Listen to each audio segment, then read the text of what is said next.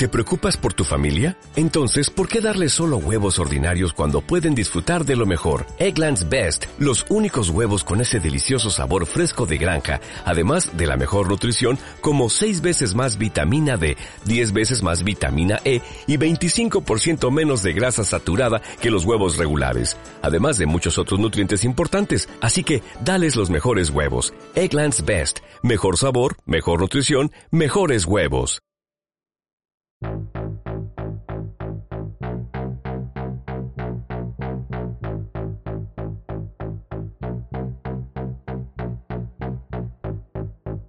Berdela, okela sormen lantegiko podcasta. Berdela, basilikaren bueltan biltzen den podcastetako bat da. Berdela, okelan ospatuko diren erakusketez arituko da.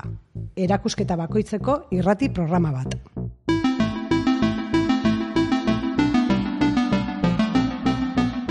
Irati urrestarazu eta satxa jauregi gara. Eta gaur, Nadia Barkate eta Pepo Salazarren gaiua aparato erakusketaz hitz egingo dugu. Okelan ospatua, 2008 bateko maiatza eta ekaina bitartean.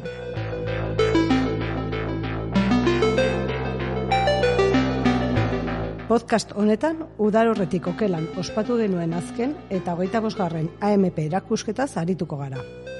Hitz baten bueltan bi artista. Hitza gailua euskaraz eta aparato gazteleraz. Artistak, Nadia Barkate, Donostian bizi den artista Bilbotarra eta Pepo Salazar, Parisen bizi den artista Gasteiztarra. Aparatu hitzaren aurrean, birudik asaldatzen gaituzte. Bata bestearen gandik zeharo urruti daudenak. Aparatua orokorretik jo dezakegu eta aparatua dispositibo gisa ulertu. Hortik joko bagenu, arte sisteman gaientzen diren orden, diskurtso, instituzio, lege edo autoren artean zabaltzen den sare horiei begiratu beharko genieke. Gure bizitzak erregulatzeko duten gaitasun eta botereak erreparatu. Alegia, azkar eta gaizki esan da kritika instituzionala egin. Baina aparatua ere, domestikotik uler dezakegu. Testoa idazten ari naizen bitartean, zapaltzen ari naizen teklatua, edo testu honen irakurketa amplifikatzen duen mikrofonoa ere izan daitezkelako aparatu. Euskarazko itzulpenak salbatuko gaitu saltxa handiegitan ez sartzetik. Eta itzulpen posible guztietatik gailua hitza aukeratuko du. Beraz, bigarren berdela saioaren atarian gaude.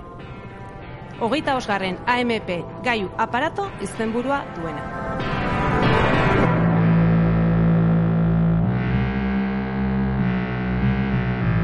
Artistak daude eta artelanak egiten dituzte.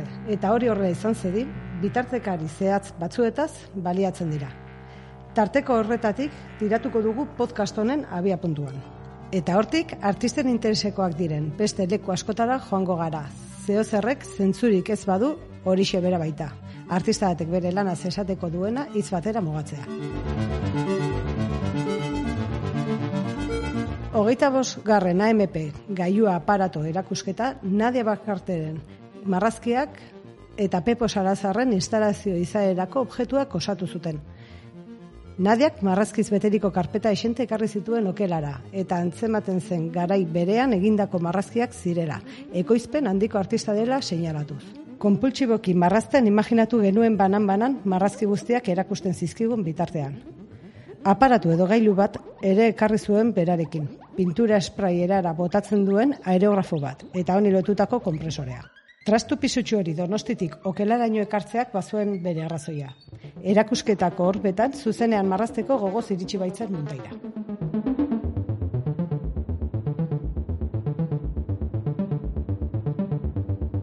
PDF artxibo eta telefono deien bidez jakin genuen Pepo Salazarren piezak nola eraiki. Garaiek horrelako prozesuetara bultzatzen bagaituzte ere, ez dugu ukatuko arraro sentitzen jarraitzen garela teleartea egiten. Izan ere, hauek izan ziren prozesuan eman genituen pausuak. Pepok, okelan erakutsi nahi zuen horren ideia bat egin zuen bere buruan. Guri ze objektu lortu eta zein eraiki zehaztu zigun. Eta batzutan bideokamara bidez eta bestetan telefono bidez, joan zen piezak zer nola muntatu idatzen. Bere presentzia fizikori gabe, eta berak obrekin zuzenean esperientzia errealik eduki gabe ere. Mende bat atzera, molinari artistak telefonoz koordenada batzuk bidaliz ekoiztu zuen portzelanazko pieza bat. Eta pieza hori artearen historian txertatu bazen, pieza egiteko prozeduragatik izan zen, eta ezain beste pieza, piezagatik. Teknologiek zeharkatutako garai hauetan, ez da telefono bat izango artelan bat historiografian sartzaren arduradun. Baina uka ezinare bada, medioek, aparatuek, badutela azken emaitzean eragiteko autoridade moduko bat. Eta artistaren autoretza propioa behartu ikusten dela nolabait medioen autoretza horrekin e, negoziatzera.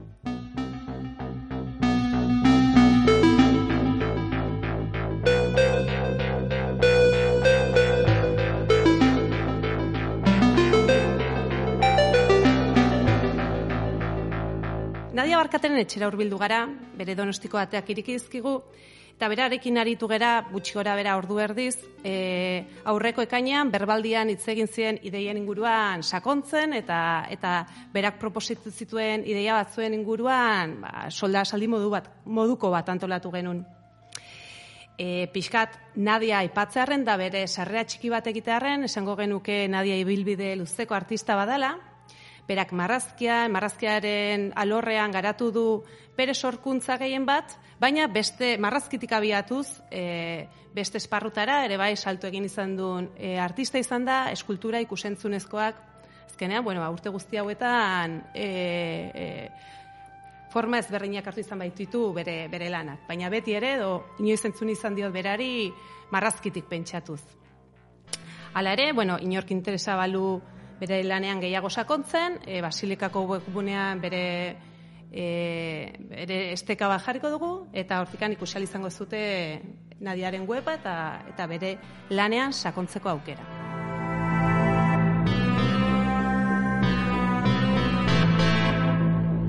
Mi esker onbitea onartzagatik. Ez horregatik. eta, eta hori xen ikustet, e, el gehiak iluzatu gabe, empezaremos un poco con cuestiones que han aparecido durante tanto el proceso de, de producción de tu pieza como luego lo que has expuesto en Oquela y también eh, algunas ideas que salieron a relucir en el Verbaldi. Entonces, bueno, como hemos dicho, es el aparato, o la palabra del aparato por donde partimos esta vez. Y bueno, sí que nos hacía bastante gracia darle un aparato a Nadia y darle un aparato a Pepo, según el trabajo que habían traído en Oquela.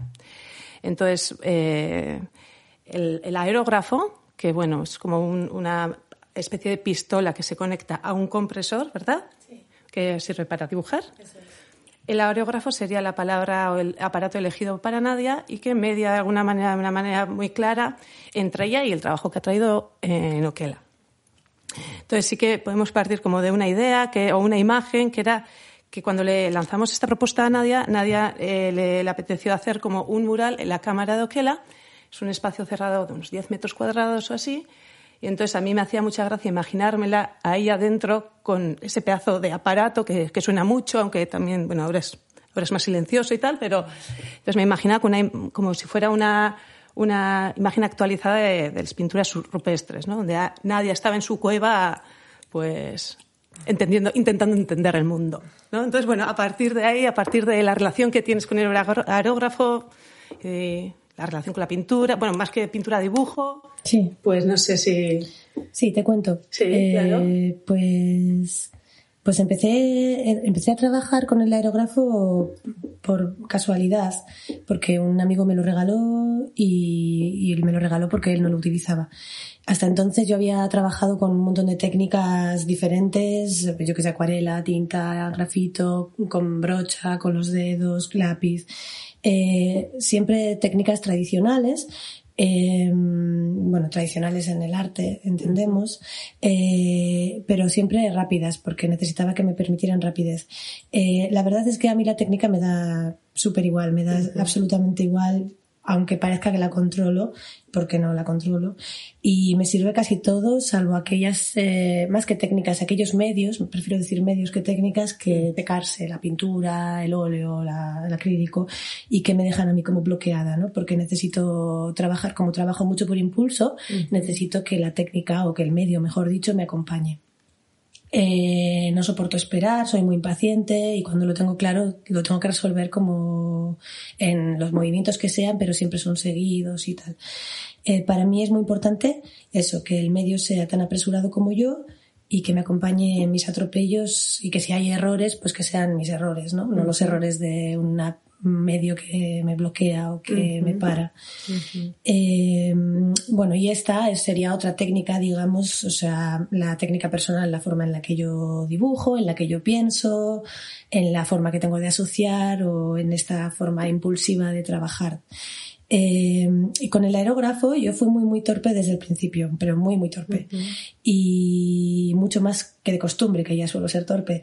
Y acabé olvidándome de lo que tenía en la mano al final pero empecé haciendo palitos, círculos y después algo parecido a símbolos, grafías, letras. Eh, todo esto lo hice para empezar a usarlo, para aprender a usarlo, ¿no? Y, y es verdad, a mí también me recordaba por esto de los palitos, los círculos y de las formas así como primitivas o sencillas, me recordaba a pinturas rupestres. Y luego me empezó a recordar más a firmas, y ya después empecé a ser capaz como de sombrear y de generar eh, mm, relieves, sombras, profundidades, eh, ambiente, realismo, ¿no? Que hay bastante realismo o no sé, o algo parecido. Claro, pero es verdad que es como que en tus dibujos no es no, no, no aparece, o sea, lo que muestras no es como la, evolución de, ese aprendizaje, sino que están todas las fases. También están los palitos del principio, ¿verdad? Eso es. O sea, para mí esto es muy importante porque empezó a existir esa lógica a partir de las pruebas. ¿no? Es decir, las, las primeras formas eh, es como como la creación del mundo, ¿no? Es como las primeras pruebas que eran como lo más básico, ¿no? Los palitos, los puntos, los círculos, y después manchas, y después las imágenes, y luego ya el movimiento, y después vino la transparencia, y luego vino todo lo demás, la superposición, la narrativa y demás. Pero lo interesante de este aparato, de, o no del aparato en sí, sino de cómo yo me relacioné con él, es que mientras yo lo iba aprendiendo a utilizar, desde cero había empezado a dibujar definitivamente, o sea, los dibujos eran definitivos, no eran bocetos. Y ya eran válidos, desde el primer palito y desde el primer círculo. Y, y eso, era como empezar a inventar un imaginario empezando por lo más sencillo, lo que ya he dicho, primero las letras, luego el lenguaje, luego el espacio, luego el ambiente, lo orgánico, los seres, etc. Y esto a mí me ha parecido como proceso muy interesante y me recuerda mucho a una bronca que Philip Gaston les dio a sus alumnos, eh, que porque él, les reprochaba que estaban esperando a aprender. Sus alumnos estaban esperando a aprender algo, una técnica o algo, ¿no? Y, él les decía algo así como, la creación no es manualidades, ¿no? No es un, es un poder, es una fuerza que tiene todo el mundo, así que no me habléis de aprender más. Eh, si no, tendremos una gran discusión, les decía. Si, si no queréis abriros a esa fuerza que tiene todo el mundo, que tenéis dentro, si no os la creéis, mejor os vais, ¿no? Y siempre me acuerdo de esto, eh, que puede sonar también un poco a cliché, ¿no? Por lo de la idea de la creación, el demiurgo y todo eso. Pero creo que es un poco así, que es cuestión de creérselo en primera instancia y de entrar en, en canción, de entrar en hacer, ¿no? y de dejar que te atraviese eso, pues empezando a dibujar en serio como desde el principio, aunque no tengas ni idea de lo que va a surgir ni sepas manejar el aparato. Y es muy interesante que cuanto más extraño sea el aparato para ti, mm, más margen de, prueba tienes y más largo es el recorrido. Ya es un poco lo que ha ocurrido aquí. Claro, como si realmente el, dibujo no estuviera fuera, sino dentro, ¿no? Entonces lo tienes que escarbar dentro de ti o algo así, ¿no? Hmm. Algo así. No sé si dentro de mí o dentro del papel o dentro de qué, pero dentro de algo seguro. Sí, dentro de algo. O sea, está como guardado y lo vas como sacando, sí. Sí. Otra de las cuestiones como interesantes que también recoge un poco el, proceso artístico de, bueno, en completo, no es simplemente el hecho, el momento en que tu trabajo se ve expuesto, sino ese momento en el que se te pide hablar de tu trabajo, ¿verdad? Que es algo como que a todos los artistas les da mucha pereza, pero que, de la que no se pueden escapar, ¿verdad? Entonces, bueno, eh, fue bastante interesante que tú en el Verbaldi eh, pusieras un audio donde reflexionabas sobre el propio hecho de tener que hablar de tu trabajo. Y ahí hablabas como, bueno, durante mm, tu recorrido vital habías encontrado como diferentes estrategias, ¿no? Que había momentos em, que igual sí que te centrabas más en lo expuesto, que ahí pienso que, no sé si a ti te, pasa, ¿eh? pero a mí me, suele dar como mucha pereza cuando, cuando se hace una descripción casi como literal de lo que hay en palabras, ¿no? Entonces, esa, parte como de hablar del trabajo a mí me suele resultar insatisfactoria. Pero por otro lado, tú hablas también de, de, de, irte por los cerros de Úbeda, ¿no? Como de alguna manera de escaquearte o escaparte y que eso también te puede generar satisfacción. Entonces, bueno, ante eso, ¿cómo, quiero decir, cómo, has vivido, por ejemplo, este, eh, esta expo o últimamente cómo afrontas ese problemón o ese conflicto, ¿no? Pues sí, en, en, principio estoy de acuerdo. es algo que debería de dejar de ser un problema, porque en gran medida para muchos lo es. Eh, no sé, lo vivimos como tal, pero, pero debería dejarles de serlo, ¿no? O sea, deberíamos de hacernos cargo de ello de otra manera. Y, y esto, claro, yo creo que procede de varias imposturas que nos bloquean porque deberíamos de dejar de preguntarnos eh, eh, desde el principio a ver qué es lo que se espera de nosotros, de nosotras cuando hay que hablar, ¿no? Eh, porque hay que buscarle sentido de una manera, a una manera, o sea, hay que buscar sentido a una manera propia de expresarse y, y, y, yo creo que eh, incluso evadirse de expresarse, evadirse de ir directamente a la cuestión es legítimo también, ¿no? O debería serlo. No sé. Eh, hay gente, por ejemplo, que tiene una capacidad eh, increíble explicativa o teórica, ¿no? Para, no sé si explicar su trabajo, sino, o sea, se puede hacer bien para complementar, para complementar su trabajo, ¿no? Y, y, hay otra gente que se defiende mejor y que se ayuda, eh, pues por, por, una sensibilidad de otro tipo, más poética, por ejemplo, ¿no? y, y en cada caso, forzar lo que no nos corresponde, pues es un error eso está claro y tal. O sea, que hay que, hay, habría que hacerse cargo primero de qué, qué es uno, de qué puede hacer, ¿no? Porque una cosa es lo que queremos hacer y otra cosa es lo que podemos hacer.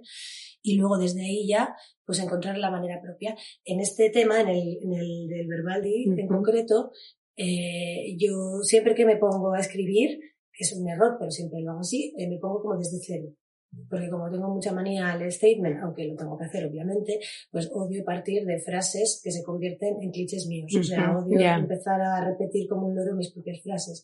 Entonces intento buscar algo que me mm. aporte en el ejercicio de escribir y yo, además de esto, tengo una práctica de escritura propia, o sea, aparte, ¿no? O sea, que, que, que, escribo. Me gusta escribir, me gusta escribir para mí, como un lugar receptivo de mis propias imágenes y también como un lugar en el que las creo porque a veces no estoy en el taller y estoy por ahí y no tengo mis herramientas a mano, mis, mis, mis materiales, y entonces pues escribo, escribo las imágenes que voy a hacer. Luego utilizo esto, ¿no? Y también escribo poemas porque me lo paso muy bien y porque me gusta. Pero luego, cuando tengo que abordar esto, cuando tengo que ir a un verbal y hablar de una exposición, siempre eh, se me cruzan como muchas formas de hacerlo. Pues está esa forma en la que podría escribir un poema, está esa otra forma que me atraviesa que podría ser la de que explico algo que para mí es como modesto de cómo la he hecho, cómo qué decisiones he tomado, o, o, o, explico las consideraciones, eh, tipo las conclusiones, ¿no? Lo que después de hacerlo me ha dado la exposición. Mm, y al final acaba siendo todo una mezcla de todo. Y lo que contaba en el verbal es que siempre cada ejercicio de escribir o de hablar, de comunicarme, es diferente y siempre tengo la misma sensación como la que has dicho tú de insatisfacción, que es la de que, ay, no lo he dicho bien o no he dicho suficiente o me he ido por las ramas, ¿no? Pero hace poco he descubierto que lo de irse por las ramas pues tampoco es tan malo, porque si, por supuesto, lo mejor es hablar y no escucharte, es decir, dejarlo ahí y marcharte. Pero si alguna vez haces el ejercicio de escucharte, te das cuenta de que siempre hay algo puesto de más y algo puesto de menos, pero también pones cosas que no te esperabas.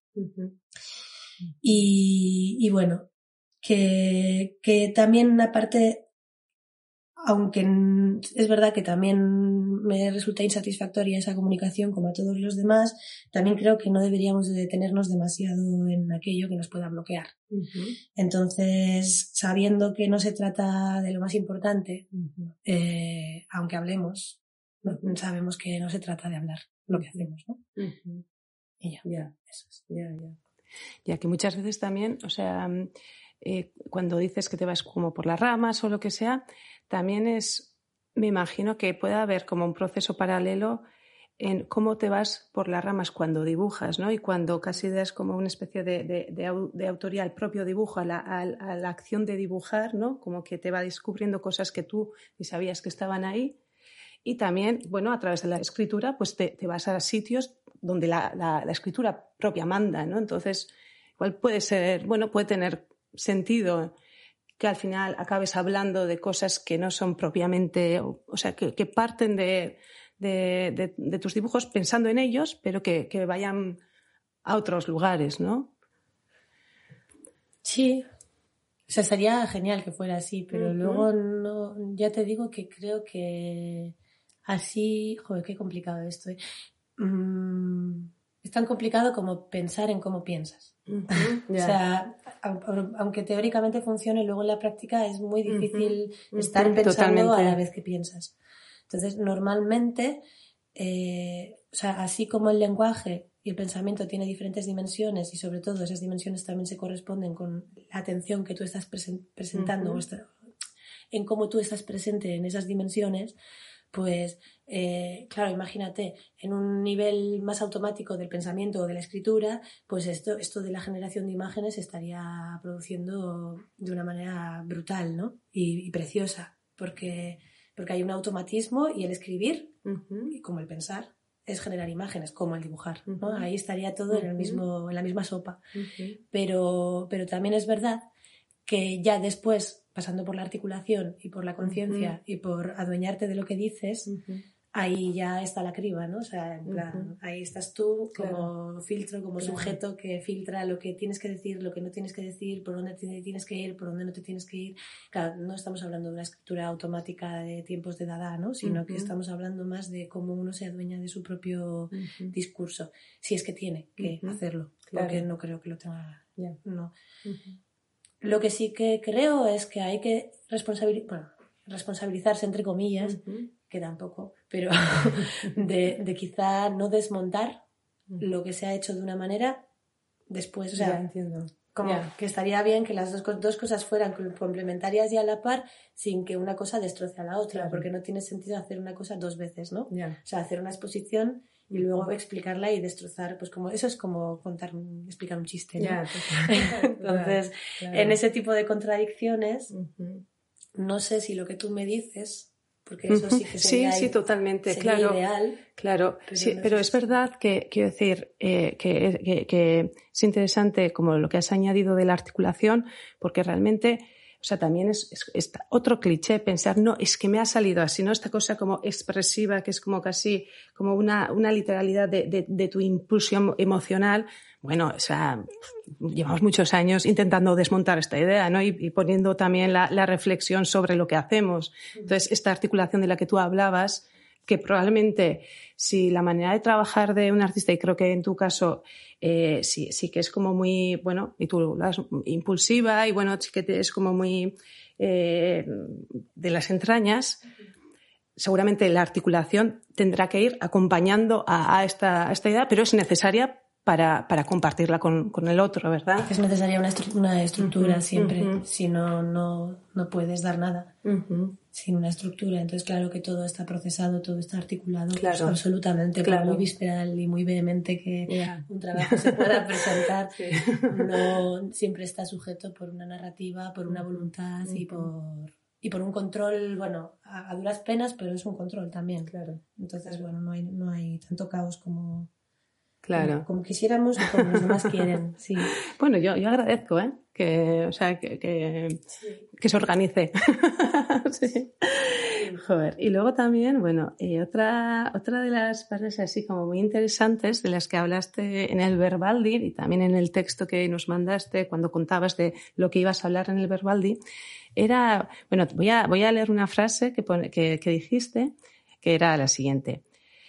Es impopular en el arte el hecho de ser autorreferencial. Esto me hacía como, me, impactó muchísimo y me gustaría saber un poco desde dónde eh, formulas como esta idea, porque claro, yo recibo esta idea y digo, ostras, eh, en la actualidad estamos llenos de, expresiones y de, prácticas que tienen lo autorreferencial, lo vivencial, lo biográfico como fundamental. Es como, es como que se entiende que hay que agarrarse así para lo que tú hagas sentía como verídico, honesto, ¿no? De verdad, ¿no? En lo que te atraviesa.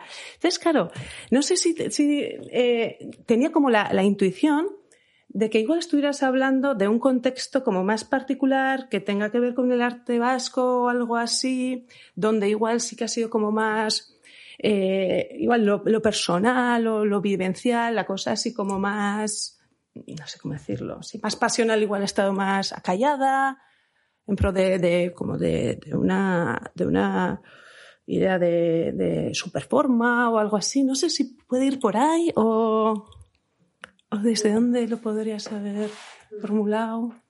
Sí, esta es la, la pregunta más difícil, eh, porque me, me, genera a mí también mucha confusión, o sea, mi propia frase.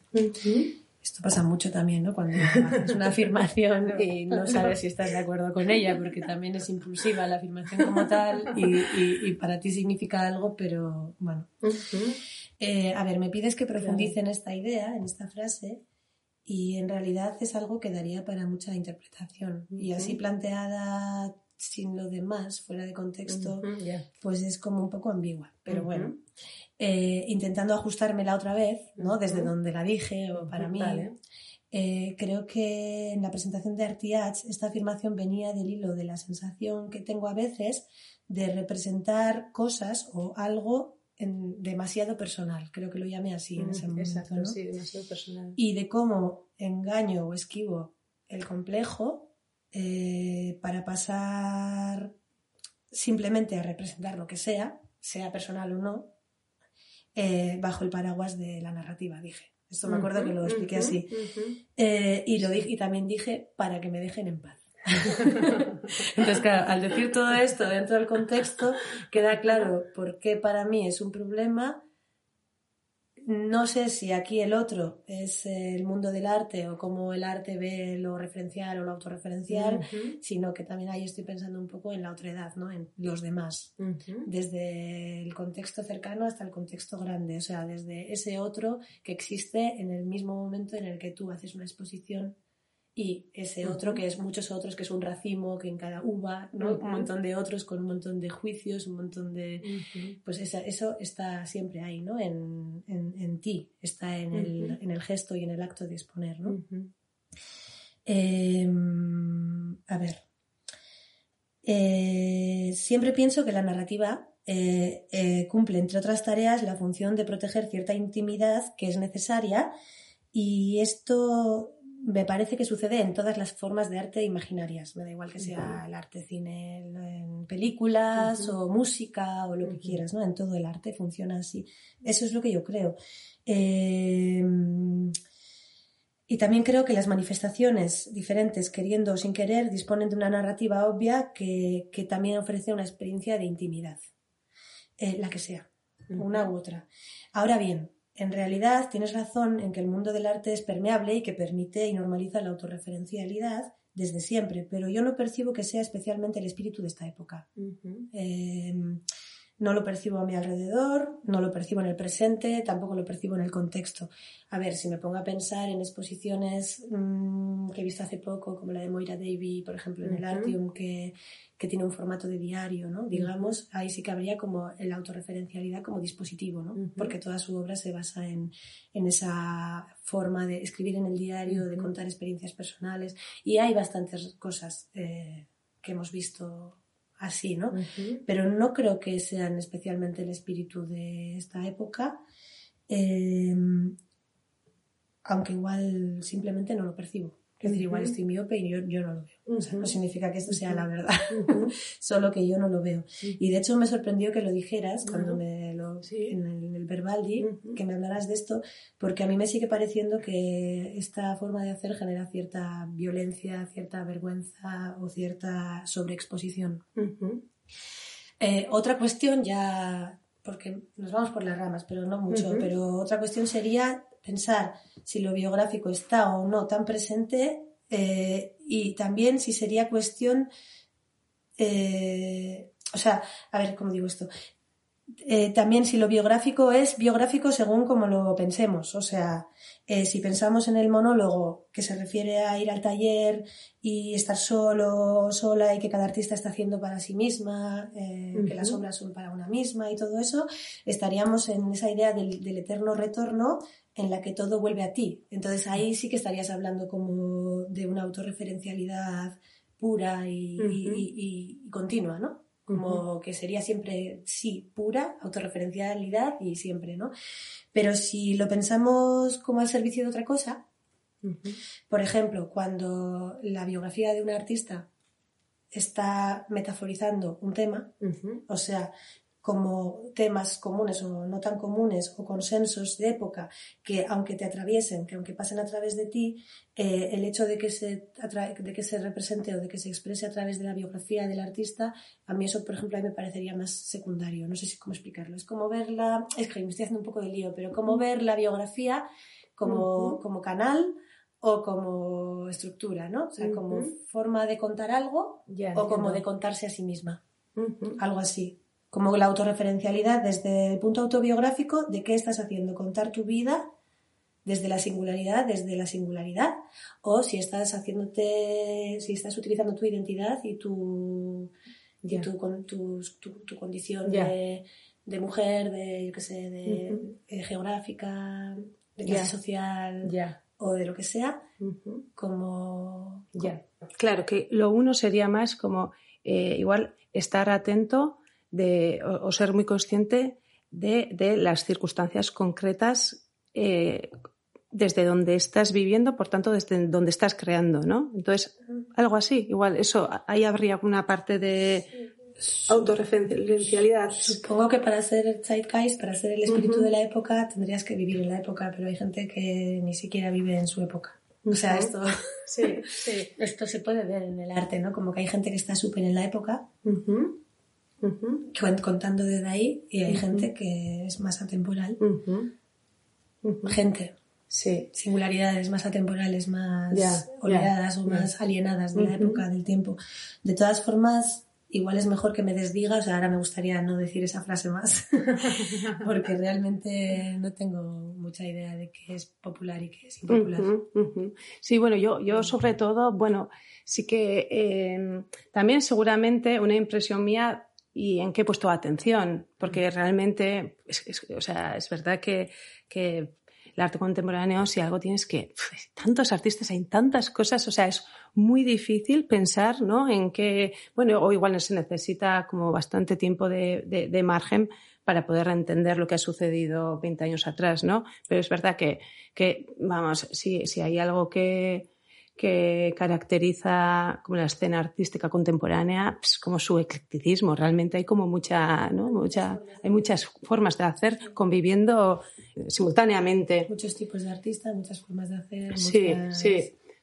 Sí, sí es verdad que igual pues sí que a mí me había llamado la atención, igual también en la literatura, pero esta cosa como de, reconstruir la historia a través de la idea de mi abuela o de mi abuelo, que fue la guerra civil, por ejemplo, ¿eh? por, poner un, ejemplo, y de alguna manera como pensar que, si te afecta directamente en, tu familia, en tu árbol genealógico, en tu biografía de una manera como más, más literal, pues más real va a ser lo que vas a hacer no sé, ¿no? Como si... Bueno, también ahí estaría esa... Es que es complicado, ¿eh? la verdad. Porque ahí también, aparte de que sea postura o impostura, también está la posición política como mezclada con lo personal. Claro. Y otra vez lo mismo, el vivir la época.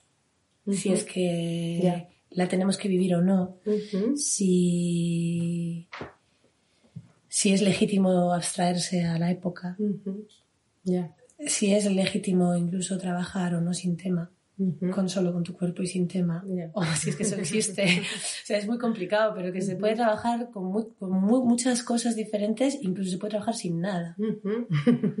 Entonces ahí estaría el talento, bueno, talento es una palabra horrible también, pero sería la capacidad de cada uno para resolverse con lo que tenga a mano. Porque imagínate que tú no tienes ninguna historia que ejemplifique nada, ¿no?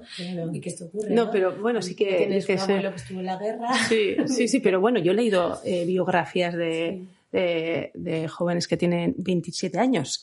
y que ya tienen biografía. Que ya, se han hecho una biografía, ¿sabes? Y que, quiero decir, que todo, pues como tú bien has dicho, todo, todo puede ser susceptible a, a ser literaturizado, a ser, eh, a ser material protoarte, ¿no? O sea, o algo de, de donde ver. Sí, es que no, o sea, está, supongo que el arte está antes que el tema y también está antes que el material, entonces da igual, como es una cosa... Ay, ¿qué es? No, ahí no me voy a meter. Quiero decir que, que, no... Es muy difícil hablar desde ahí. O sea, no tiene sentido porque... O sea, solo se puede proponer, no se puede hablar. O sea... ya entonces, lo que sea se propone y, se propone a través de la forma o del problema que tengas con la forma o, sin la forma, pero siempre en relación a eso, ¿no? A una explicación, no tiene ni pies ni cabeza. Creo que es un desastre hacerlo, o sea, meternos ahí. Pero, pero sí que es verdad que, claro, como por un lado está el arte y luego está el mundo del arte y luego está, o sea, son, son esferas diferentes.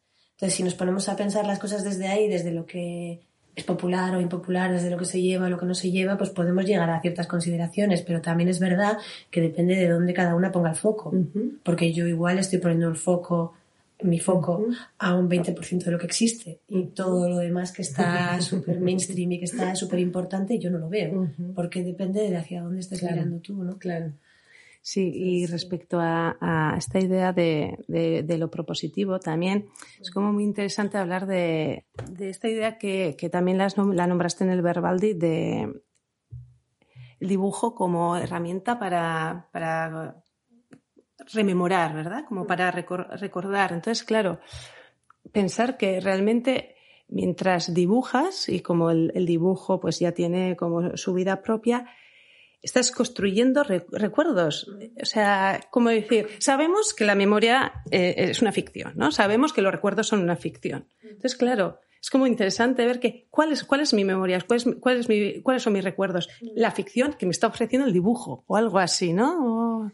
iría por ahí o... Sí, ahí también otra vez, cuando dije que dibujo para recordar, eh, ahora pienso que me cuesta a mí mucho recordar el pasado, aunque supongo que eso le pasa a todo el mundo también. Eh, intuyo que trabajo allí en el mundo este de la memoria, de los recuerdos, porque es verdad que trabajo desde una zona oscura, desde la que produzco las imágenes, que a mí me recuerda a los vacíos que se producen cuando tratas de recordar algo del pasado. Eso, esto es lo que a mí me recuerda. Otra cosa es que sea eso, no tengo ni idea de lo que es esa zona, ¿no? Pero yo me la imagino como que coincide, como que hay una coincidencia del lugar. Eh, así que intuyo que hago algo parecido a recordar cuando estoy dibujando, pero no estoy del todo segura. Pero sí que lo intuyo. O sea, es como que para mí, o sea, hay una vivencia parecida en cuando intento recordar, por ejemplo, un episodio de mi infancia, porque tiro a veces, no sé por qué de ahí. También tiro de millones de cosas más, de imágenes, de de imágenes que existen y de imágenes que no existen, ¿eh? porque también dibujo mucho de memoria y tal. Pero esa zona mm, me parece como que es la de, los, la de intentar recordar y no poder. Eh, lo cuento así como intuición. Lo que creo es que, también que nos pasa a todas es que la fantasía ocupa los lugares sin rellenar de esta zona, ¿no? de los recuerdos y además como que obviamente las acentúa eh, y las fuerza hacia un lugar que nos conviene, o sea, un lugar que nos viene mejor. Esto significa pues que pones lo que ahí no estaba, pero lo que a ti te interesa poner, ¿no? Pues, pues así haces que los recuerdos pues sean pues más alegres, más dramáticos según te convenga o, que haya o que el verano sea más verano porque te apetece o, lo que sea, ¿no? O sea, algo que, que tú produces, algo que tú añades a esos vacíos, ¿no? Es algo que tú imaginas, pero es un añadido. Hay un ejercicio de modelar esas imágenes, ¿no? De todas formas, en mi caso, y otra vez no lo tengo tan claro, o sea, siempre lo digo como creo que eh, la ficción, en este ejercicio de rememorar, se corresponde a una dinámica plástica que lo puedes decir también si prefieres como un juego, ¿no? y, esto es porque también los recuerdos a veces son de la infancia, eso tiene que ver con relacionarse con la realidad a través del juego, como hacen los niños. Y bueno, hay un psicólogo inglés que se, llama, se llamaba Winnicott, muy conocido porque es el que escribió sobre el juego, que decía que había un nivel de ansiedad en el juego que posibilita que, haya, que haya juego, o sea, que haya emoción en el juego, eh, pero demasiada de esa ansiedad de la que se pone al jugar eh, rompe el juego, o sea, bloquea el juego. Entonces, a, mí esa saturación de ansiedad eh, me interesa mucho, esa saturación de emoción que corresponde a la forma en la que dibujo, ¿no? Por eso, por eso también hablamos de que pues, dibujo como impulsivamente, dibujo con ansiedad y, dibujo con un, con un, nivel de ansiedad aceptable que está entre ese nivel que me deja dibujar y el que me rompe, en el que me bloquea y no puedo seguir, ¿no? Y, entonces ahí hay como una especie de tour de force entre mi propia ansiedad y yo cuando trabajo. Y, y luego mm, ah, hay otro ejemplo que voy a poner, no quería hacer muchas referencias, pero me acuerdo siempre como de un antropólogo que se llama Huizinga, que puso un ejemplo em, otra vez del juego en los niños, de una, un profesor que está en su casa y que quiere, quiere investigar y que su hija está corriendo por todas partes, es una niña pequeña y no le deja. No le deja. Entonces él le da como tres cerillas eh, usadas para que juegue a la niña y la niña pues las llama Hansel, Gretel y la bruja, ¿no? Y entonces eh, está, entonces el profesor consigue que la niña se entretenga y le deje trabajar. Pero la niña está jugando un buen rato con las cerillas hasta que en un momento dado pega un grito del copón. Y entonces el padre le dice, ¿pero qué pasa? ¿Qué ha pasado? Y entonces le dice la niña al padre, ¿no? Como, eh, toma, y le tira la cerilla, llévate a la bruja, no puedo tocarla más, ¿no? Ahí hay un proceso que Huizinga llamó em, erupción de la emoción en el juego, que es como que de repente hay un momento en el que el juego que está en la ficción pasa se traslada al, al campo perceptivo real en el que te lo crees básicamente. Y entonces eh, eso es un momento también como de saturación otra vez, ¿no? Como el de la ansiedad, en el que, pues bueno, o sublimación, en el que la cosa, el juego, la ficción marcha, marcha. Y sí, no, no. Y, me, pregunto si una vez que, de repente te, enfrentas con eso que te ha dado el dibujo, ¿no? Con esa imagen, si a ver eh, si tiene temporalidad para ti. Es decir, a ver si puede suceder algo parecido. Eh, a mí me, me, sucede, ¿no? Yo no tengo muchas fotos de la infancia, pero las pocas que tengo yo, yo, yo he revivido ese momento, no es solo la foto, yo, yo, yo, yo vivo lo que pasaba antes y lo que pasaba después. Y no sé si me lo he reconstruido porque como tengo la foto, entonces eh, me preguntaba si, si, sucede algo parecido, si te devuelve una temporalidad tus, tus dibujos. Es... Un momento, una, una, un ambiente, una escena, un... Pues eh, la verdad es que eso que cuentas con las fotos a mí me ocurre con las fotos. eh, em, claro, yo no dibujo literalmente recuerdos propios hay algún ejercicio que no sé ni explicar, pero es un, ejercicio de ficción con mis propios recuerdos. Por lo tanto, no está sucediendo algo que yo pueda recordar concreta y literalmente, ¿no? Pero eh, sí que abren una temporalidad, no propia, pero suya. Y otra vez volviendo a lo que te he dicho antes de lo del momento de erupción de la emoción, en el que me creo lo que estoy haciendo, en el que me creo la imagen que he producido, sí que me pasa, que es algo que le pasa, que bueno, que se comenta que pasa y que yo creo que pasa también, que es que me parece que eso está vivo eh, más allá de mí y que, y que tiene sus propios recuerdos. O sea, como que a veces eh, me mira desde el otro lado algo que yo he creado, pero que podría existir como un universo paralelo, que no soy yo, pero está ahí, ¿no? Entonces sí que se abre una línea temporal eh, muy extraña. Y es un poco, sobre todo es un poco delirante porque parece una alucinación. Claro. Pero sí que tengo esa, más que de recordar, tengo esa sensación de alucinación con lo que hago a veces. Claro, que sí que no responde como la percepción temporal, como más, la más, la, que conocemos, sino, ya. Ajenamente a mí.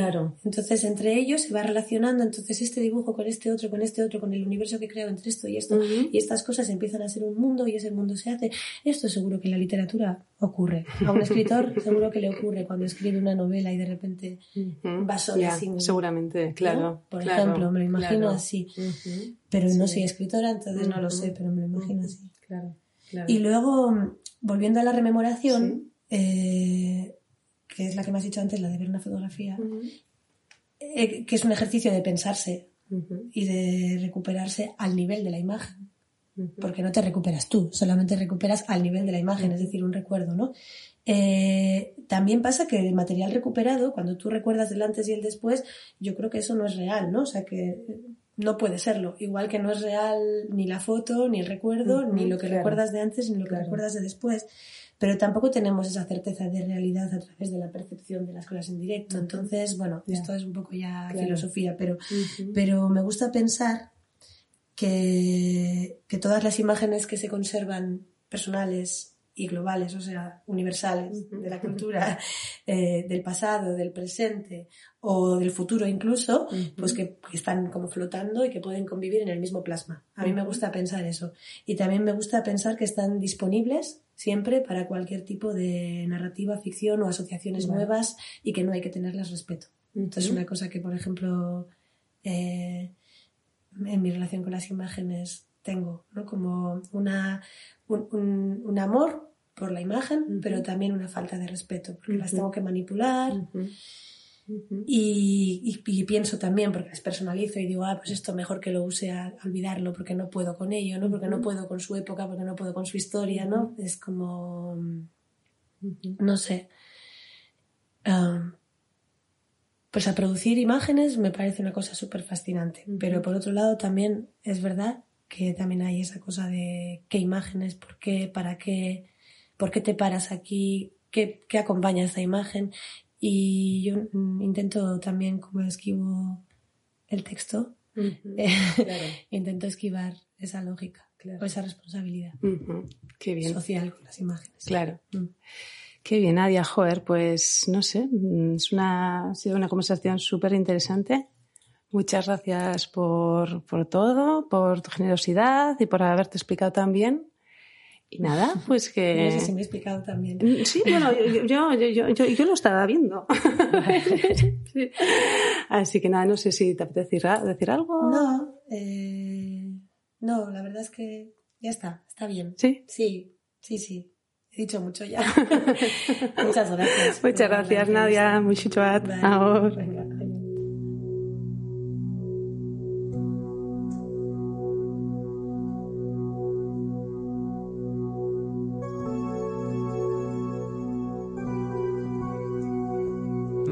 Alcohólico.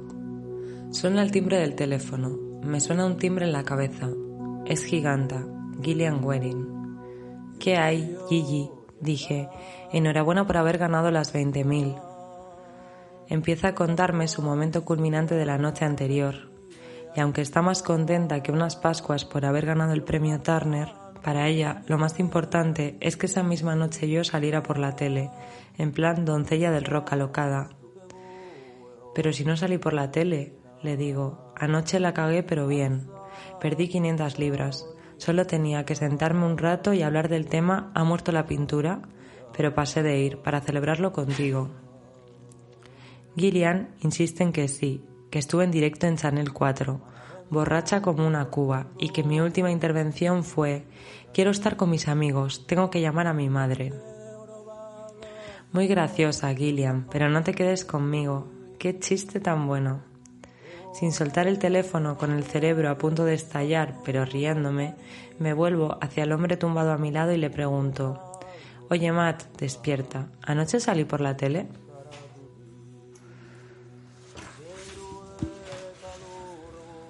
No, gruñe. Mira, Gilliam, cuelga el teléfono, estoy demasiado resacosa. Vete a soltarle tus gracias a otro. Doy por finalizada la conversación mientras ella sigue empeñada en que todo es verdad. Me duermo de nuevo mientras pienso. Qué maravilla que mi amiga aún tenga tiempo de gastar bromas en el punto álgido de su celebración, justo después de triunfar. Unas horas después me encuentro en una cafetería de Shoreditch tomando café y sintiéndome un pelín más viva. Abro el Guardian. Joder, un horror absoluto. Salgo yo, llevando mi top de color canela de Vivien, con un dedo roto y envuelto en una venda ensangrentada como accesorio, borracha en televisión. Entonces empiezo a recordar. No había estado en casa de alguien, esas butacas tan cómodas, esos desconocidos. No había sido un sueño. Aquello era real. Sí, esa era yo. Enciendo el móvil. La voz electrónica me dice que tengo 12 mensajes nuevos. El primero es de Angela Bullock, otra nominada al premio Turner, riéndose. Solo se oyen sus carcajadas. Todos los condenados mensajes son iguales, de mis colegas que han visto el vídeo de la cobertura del Turner. Me llaman de Radio 5.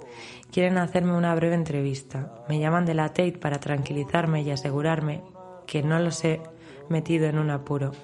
Soy artista y punto. Mi galería recibe un torrente de peticiones para que participe en programas de entrevistas. Mis obras de arte se venden como rosquillas.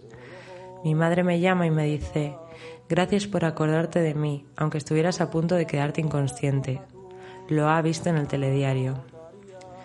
Todos los teléfonos suenan cada pocos minutos. No doy abasto. Estoy avergonzada y perpleja. No entiendo nada. Como si no recordara nada de mi infancia, como si me enseñaran fotos y me narraran anécdotas y poco a poco fuese creando unas memorias seguramente falsas a partir de esos fragmentos.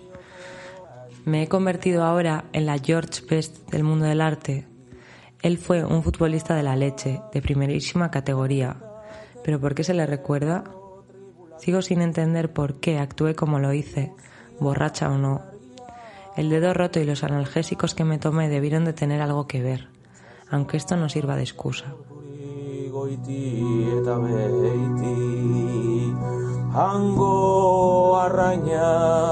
Tracy Emin, Strange Land.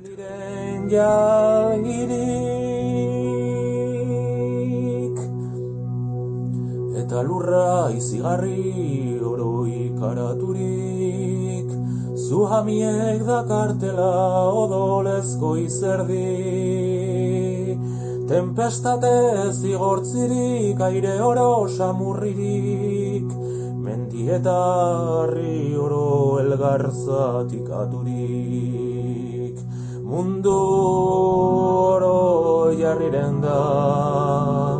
Suya garrasa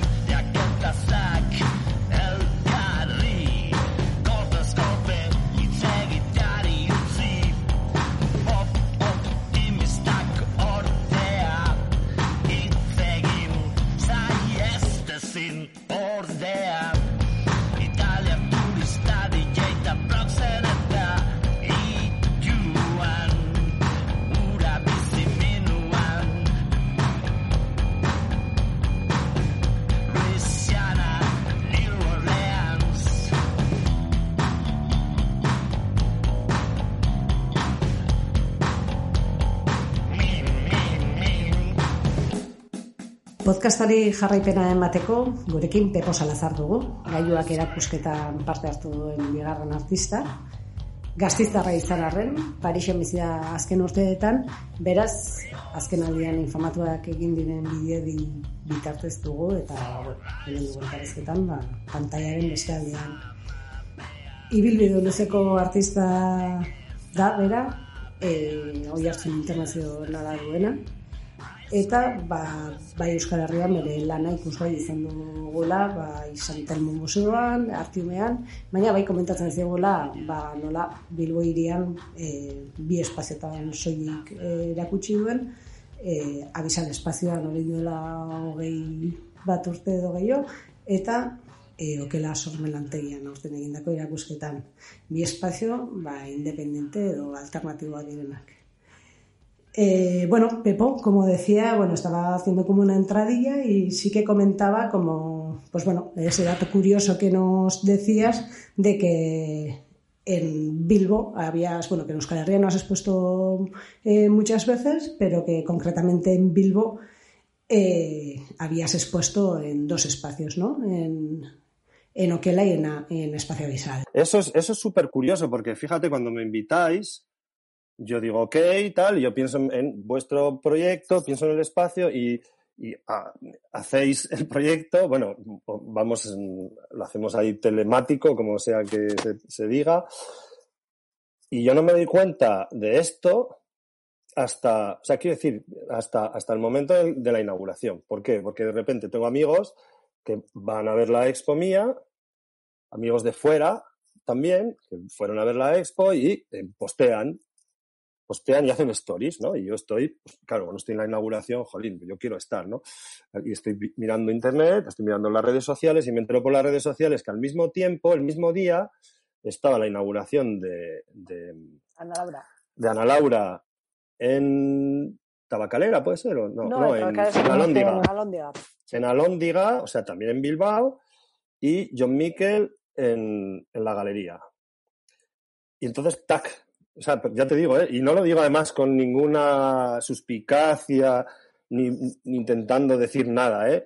pero me llama muchísimo la atención que los tres más o menos de la misma generación, aunque ellos son mayores que yo, bastante más, ¿eh? como, bueno, no sé si bastante, pero diez añitos por ahí, ocho, diez, y que yo me doy cuenta de esta situación, que no habías puesto en Bilbao desde el 1998 la marinera con Avisal cuando estaban Fermín Moreno, Lomas y toda esta cuadrilla, que por cierto es una de las experiencias que tuve más profesionales que he tenido, más profesionales, porque fueron hiper profesionales.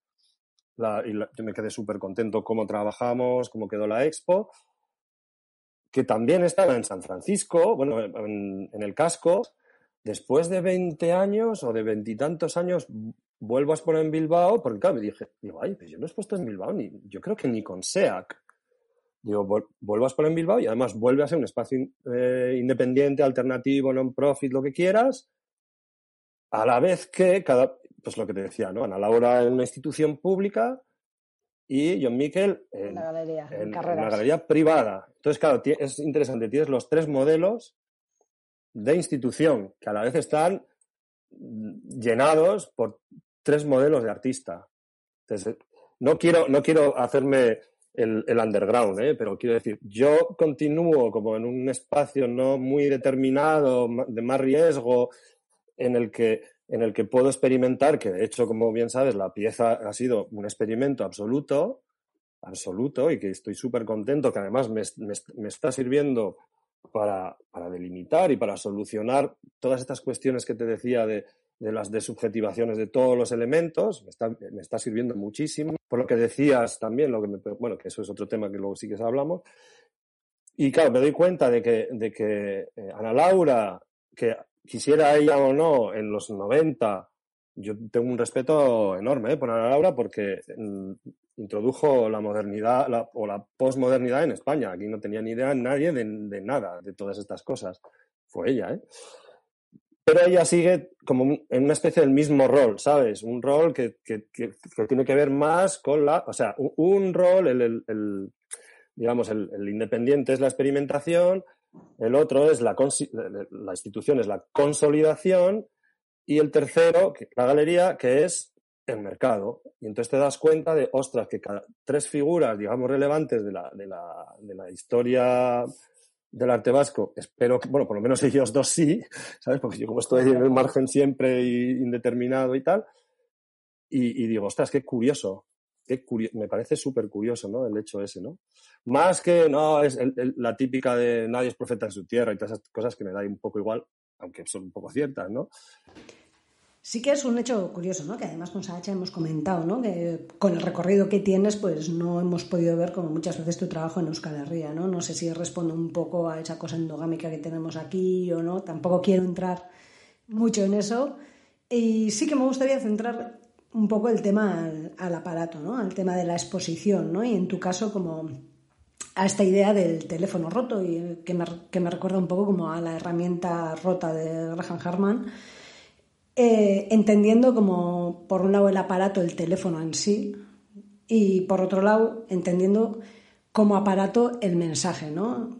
No sé, como esta idea de, que se suman subjetividades, ¿no? En ese ejercicio de, que tú nos vas eh, explicando cómo quieres montar la exposición por teléfono, ¿no? Eh, ahí hay como un ejercicio donde se suman subjetividades, se suman interpretaciones, ¿no? Y donde tú como artista, pues se entiende o, nosotros entendemos, yo creo que, pierdes o asumes que hay una pérdida, ¿no? Que también habrá otras ganancias, pero que hay una pérdida, ¿no? Que hay como una cesión eh, de criterio, de ejercicio, de, todo, ¿no? A ver, otra cosa, es súper interesante también, porque lo que, lo que decíamos al principio, resumiendo, es que eh, confiamos en que todo va a salir bien a la distancia por las cuestiones eh, tecnológicas y luego, y luego la, realidad nunca funciona, ¿no? La realidad siempre te sorprende por otro lado. Lo que a mí me ha resultado súper eh, enriquecedor y, muy interesante de lo, de lo, que no tengo todavía conclusiones exactas, aunque sí que me ha dado tiempo después de la expo trabajar un poquito en el estudio, luego han venido las vacaciones y ahora volveré, ¿no?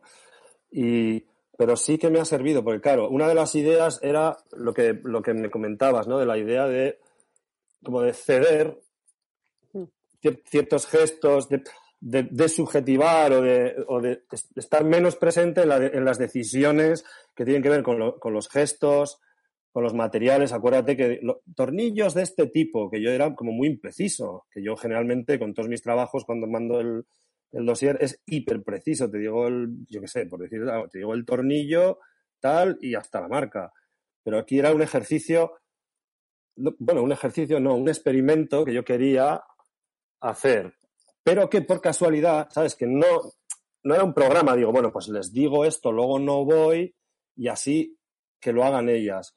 No, porque yo si hubiese podido ir, pues voy, ¿no? Y ya está. Y hubiese estado más preso de mis, de mis gestos, de mis protocolos, de ahora es mi hora de la cervecita, no sé, ¿me entiendes? O de, de los conceptos, de todo.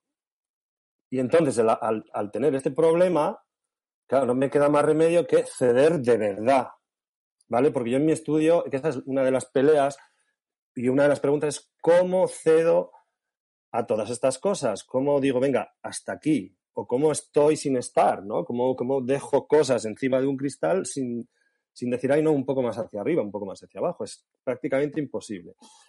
Ahí me sirvió mucho porque creo que era en el momento que estábamos montando, vino a visitarme, bueno, pasaba por aquí, no vino a visitarme, pero me visitó Francés, como te digo, Francés Ruiz, que este, como te digo, este es, este es una figura que está en el, en el año 4500 o así, ya, él ya está allí y ya sabe lo que va a pasar.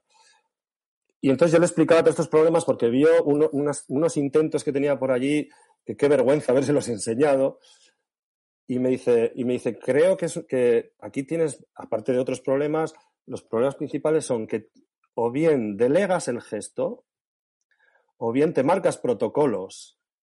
En plan de, mm, pues delegar el gesto como un asistente o quien sea, o un amigo y decirle, toma, estos son los objetos, o decide tú objetos de estas características y ponlos aquí tal, no me apetece, porque eso, teledirigismo, no, no, creo que tiene que, porque si, el, si la, un proceso de pensamiento, si es el reflejo del pensamiento de un autor, tienes que estar, ¿vale? Protocolos, no me convencía por toda esta idea de lo rizomático, de lo heterogéneo, de, la, de la, autonomía y de lo libre, ¿no? Y estaba en un callejón sin salida, pero bueno, como con vosotras tuve que hacer una sesión por narices, tenía que ser así, pues a ver qué pasa lo que dijo Frances sí, lo que esté haciendo yo no, o lo que cómo quedase o no, es la realidad. La cuestión interesante es que la realidad viene y dice, ok, ya me encargo, ¿sabes? Ya me encargo yo. Y entonces reconfigura todo para que mm, haya una cobertura floja y entonces yo diga, no voy a poder ir al detalle. Yo no puedo saber que igual pasando un pasillo se corta la cobertura. O, resulta que, claro, igual, no lo sé si es el caso, el que tiene el, otro WhatsApp, el, móvil es un móvil muy, muy barato, que lo, que lo puedes calcular porque somos todos precarios, pero no lo calculas. Igual no se va a ver, la cámara no es muy buena. Y da, con todos sus elementos, dice, hay que sacar esto adelante como sea. Y lo está eh, listo, que eres un listo. No querías autonomía, no querías eh, desafectarte, no querías insignificarte, pues aquí tienes el, el 80% de insignificarte. También un poco como la coincidencia de los tres exponiendo en diferentes espacios. Me parece que es, es brutal como, como, como la realidad, ¿eh? no digo lo real, como la realidad, la construcción del mundo se, se, confabula de alguna forma para decir, bueno, pues ya tú querías esto, pues ya lo soluciono. Que vaya a seguir trabajando así no quiere decir, porque luego sí que me ha dado, después de, después de la expo he empezado a hacer cosas, he tenido cosas muy claras, he tenido claro que los gestos tenían que ser de este calibre y no acero, eh, los protocolos mm, de esta manera y no, de, la forma tan radical, que efectivamente tiene que, tiene que haber una, una presencia del, del autor, entre comillas, que soy yo, pero que hasta qué qué grado de presencia y en qué tono, ¿sabes? Porque es mucha, también hay mucha cuestión de tono, ¿sabes? De, creación de, o no, no, Lo que decías del texto de Moholi, de, que le convierte al otro como una especie de máquina y tal, ¿no? Pues que tampoco es esa la idea, porque en el fondo es un poco tricky, ¿sabes? Dices, no, tenemos el mismo papel, tenemos el mismo sistema, bueno, pues es, es como si te mando un PDF, en el fondo, ¿no? Pero esto se trataba de una sesión, o intento hacer sesiones de este tipo, eh, como decía este, como desafectarme de alguna forma. Es, como, es como coger una, una distancia también. sí, desafecto, ¿sabes? Los afectos, pues desafectarme realmente de, las cosas para convertirlas en, digamos, para intentar, ¿sabes? Estoy intentando que las piezas se vuelvan como pre-reflexivas de alguna forma. Lo que te decía, que cuando ves una pieza en, primera instancia, cuestiona todo el régimen semiótico que tienes o de una sociedad, eso es mandarte a un estado pre-reflexivo en el que tienes que, reflexionar mm, sin herramientas. claro, mi conclusión era que necesitaba todos estos eh, desafecciones o insignificaciones o alejamientos o de subjetivaciones. La realidad y dice, venga, venga, venga, que, venga, que, que, te lías. Venga, que te lías, Ya lo, ya lo hago yo, no te preocupes. me parece súper interesante este tema que estás comentando, ¿no? De la desubjetivación, ¿no? Y que la Expo de Oquela y el ejercicio realizado en Oquela te haya servido justo para, para esto, ¿no? Como punto de inflexión o como ejercicio para ahondar en, este tema, ¿no? En ponerte en, en cuestión, en, no sé cómo decir, en reconfigurarte, y que es algo que deberíamos hacer todos los artistas, ¿no? Pero que siempre da tanto vértigo, ¿no? O sea, como abandonar esas comodidades y sobre todo cuando ya eres un artista de X recorrido, donde ya seguramente tienes tomadas como un montón de, no sé, de dinámicas propias, de metodologías tan tuyas que, volver a reconfigurarte en este sentido, ¿no? Eh, ese ejercicio me parece como, como muy interesante. Quizás es personal, pero, pero va pasando, ¿eh? ya cuando eres viejo como yo, va pasando que vas viendo y dices, vale, se ha agotado como, una, como esta fase, pues yo qué sé, post-internet o la, o la crítica del objeto como signo, que es a mí un poco lo que, lo que me está pasando en mi propia carrera, ¿eh? porque yo he trabajado mucho tiempo con la idea del, del, signo, o sea, del objeto como sujeto, entre comillas, el signo, significante y tal. Entonces, claro, tengo la sensación como de que ese discurso ya está, ya está agotado, o sea, ya está entendido, ya está asumido, ya está dentro, ya, está en el, en, el marco de lo que entendemos por arte. Yo ahora veo una pieza yo qué sé, con objetos de Ikea, de, la naturaleza a la vez, tal, tal, y entonces entiendo lo entiendo tac tac. Momento en el que se ha convertido, no, no te voy a decir en, un, en una convención, pero es un consenso ya que tenemos. Mm. ¿Sabes? Y cuando es un consenso ya es, es, es eh, se traduce en una metáfora, es una, una sola metáfora.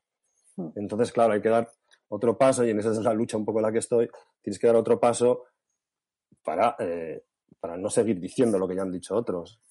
Mm. Entonces ahí es donde te adentras en una, en una zona otra vez que es de sufrimiento puro porque empiezas de cero. Empiezas de cero y empiezas a cuestionar primero todo lo que has hecho tú, porque ya vienes de haber cuestionado lo que, lo que se está haciendo, entre comillas, claro, no digo el, el 100%, pero cuando ya hay un elevado tanto por ciento de, de producciones artísticas que te están diciendo mmm, cosas, que te están diciendo algo que significa, hay que, hay que salir corriendo.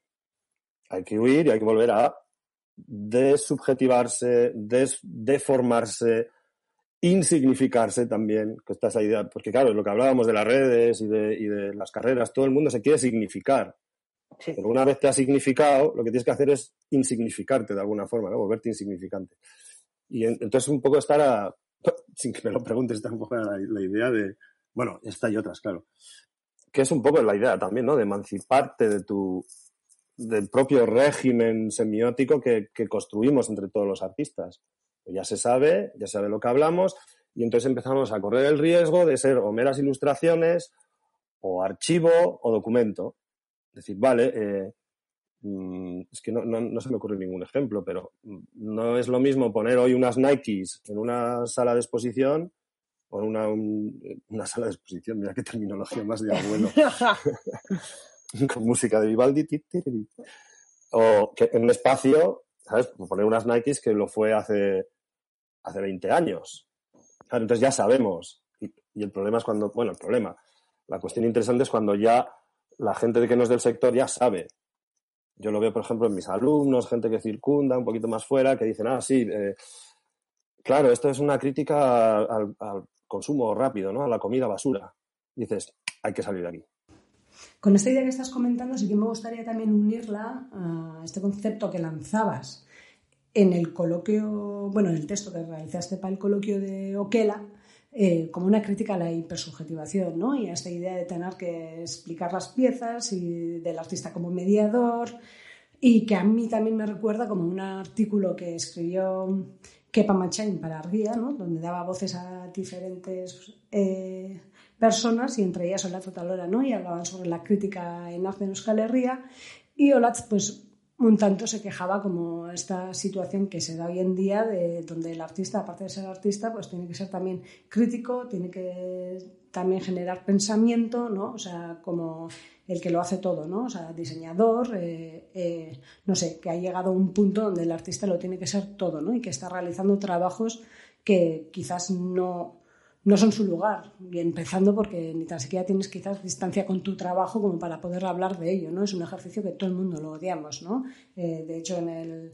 Bueno, en la entrevista de Nadia Bacarte también, pues Sacha y Nadia hablaban de ello, ¿no? De, de, de, que todos los artistas odiamos hablar de nuestro trabajo y que, bueno, no voy a decir todos, pero que muchos, ¿no? Y bueno, sí que me gustaría como traer esta idea, ¿no?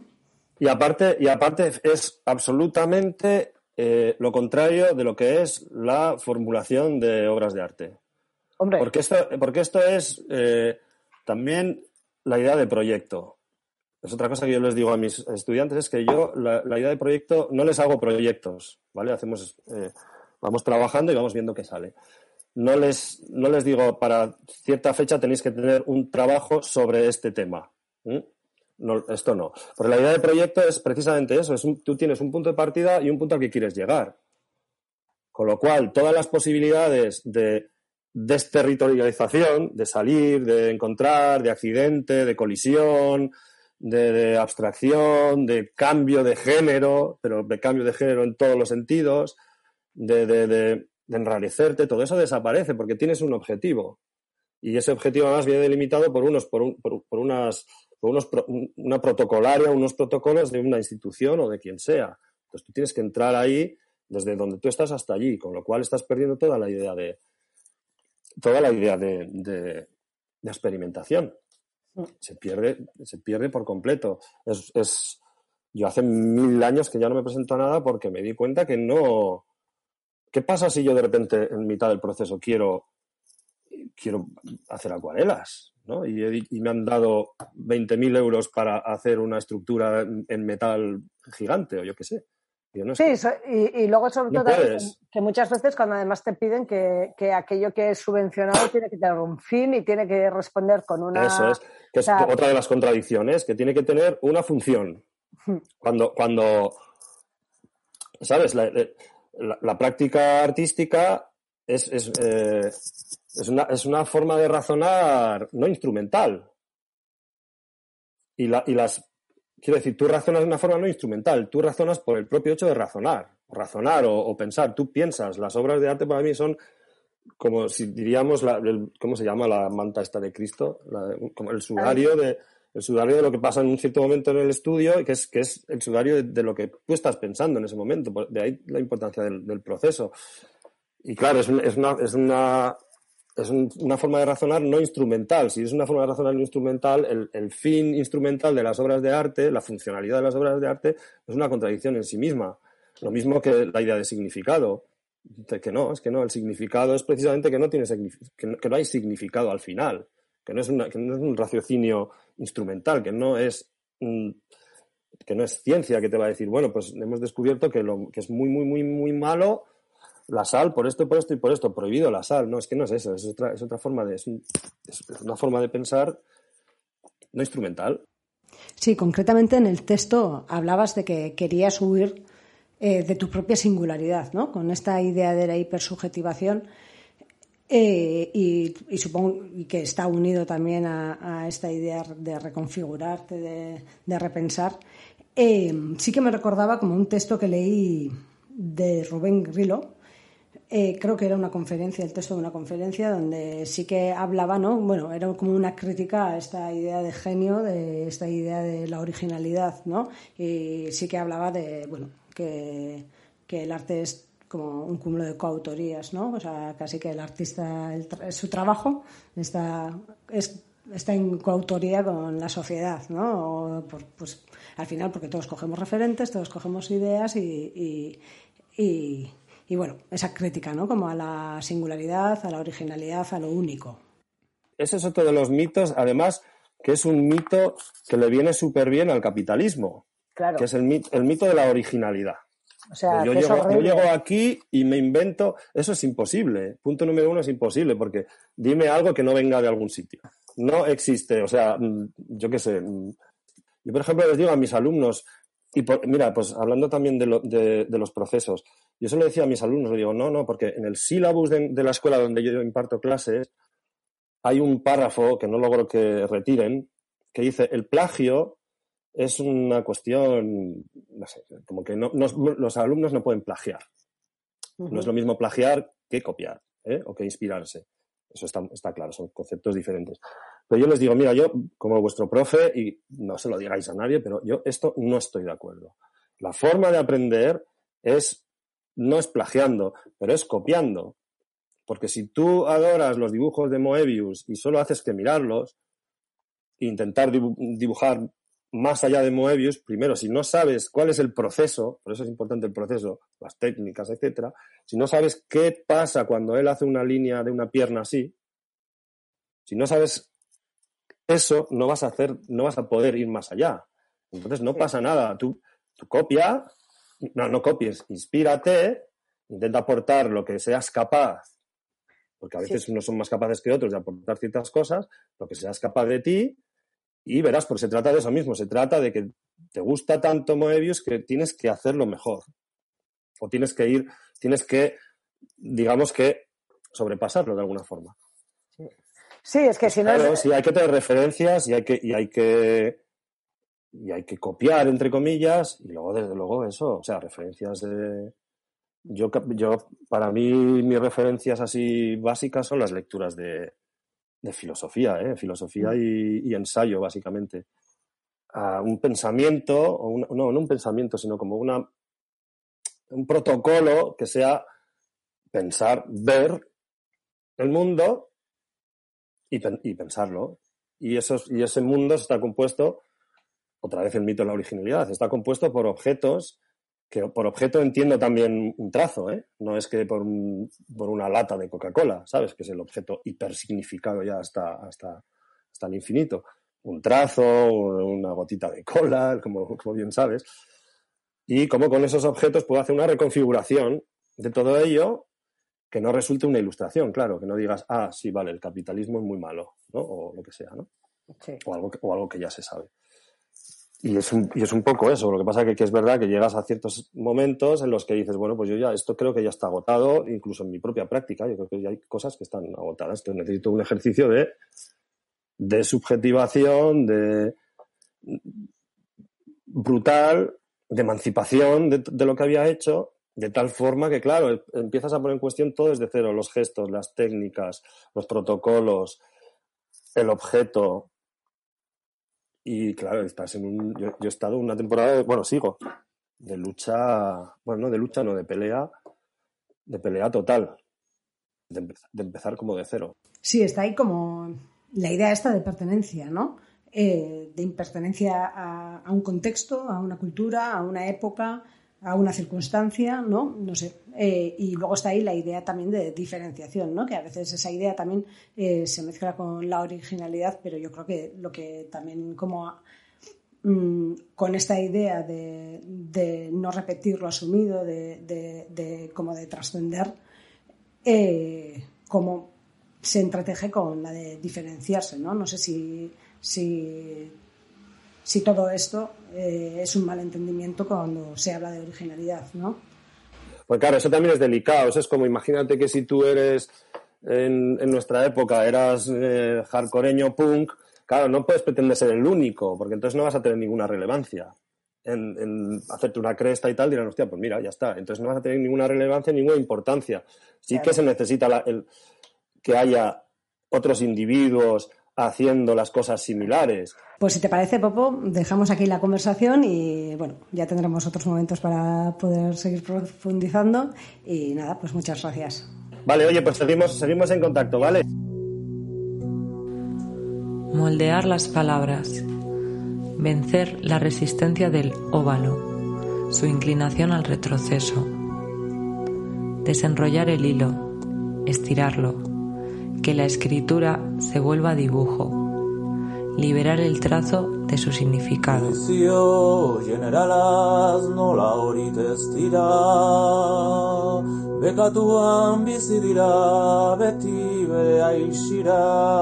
Chantal Maillard, la mujer de pie.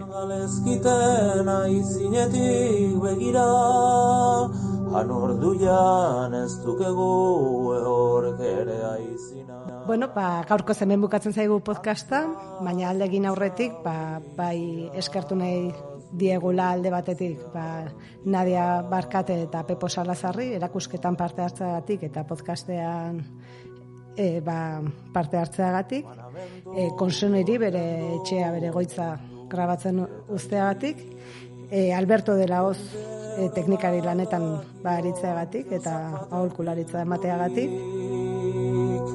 Egon ere horrere eskapatu gabetarik Eskerrak eman izkiego ere bai, die jujuri, berdelaren introko soinu banda jartzagatik, Bestetik, gaiu taldeari ere, ezin pertinentegoa zen, e, saio honetan aie eskatzea musika jartzeko, eta lege zamapean da e, elkarrizketa eta elkarrizketa hartan entzun dugun abestia.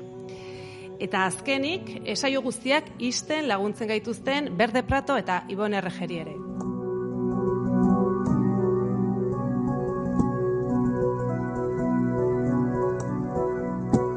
Eskerrik asko entzule guztioi, baina agur esan aurretik, bai aipatu nahi dugula, urrengo erakusketa, AMP hogeita garrena, gaia ezkutukoa, lo okulto, urriaren zazpian, e, okelan, ba, mostutzea, edo irekiera egingo dugula, eta guztiak ba, gombitatuak zaudetera. Bertan izango ditugu Arakne, Anders Agastiberri eta Alex Palafin artistak. Mi esker etortzagatik eta aurrengo saiora arte. Oro ara behar dute eskusatu gaberi.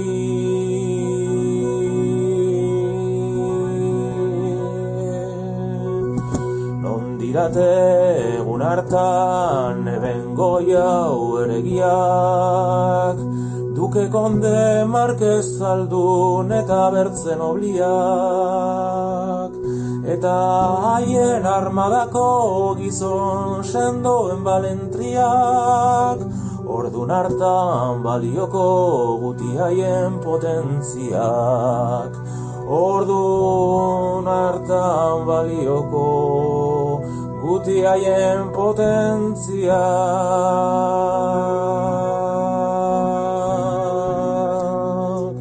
Jurista eta teologo, poeta eta doktoriak. Prokurador, advokatu, juge eta notariak.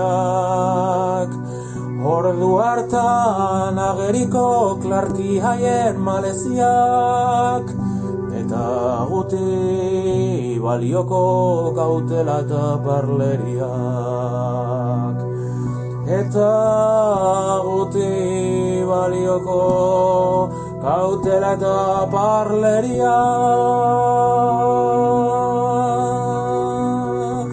Seinalia ez iten dira izinetik tristerik Elementak, elementak ebiliren oro tribulaturik Iguzkia ilargia oldeletan etzinik Itxasoa samurturi goiti eta beiti. Hango arrainak izutirik Ebiliren jalgirik Eta lurra izigarri oroi karaturik Zuhamiek dakartela odolezko izerdi. Tempestate zigortzirik aire oro samurririk Mendieta harri oro elgarzatik aturik. Mundu oro jarriren da Suiak arrasaturik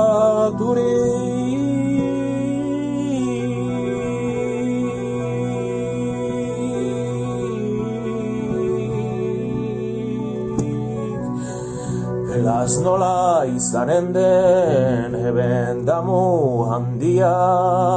Damu handi zigari remedio gabia Han bat jende sekulakoz damnaturik denian Oia unona zugitzazu otoi hantik begira. Oia unona zugitzazu otoi hantik begira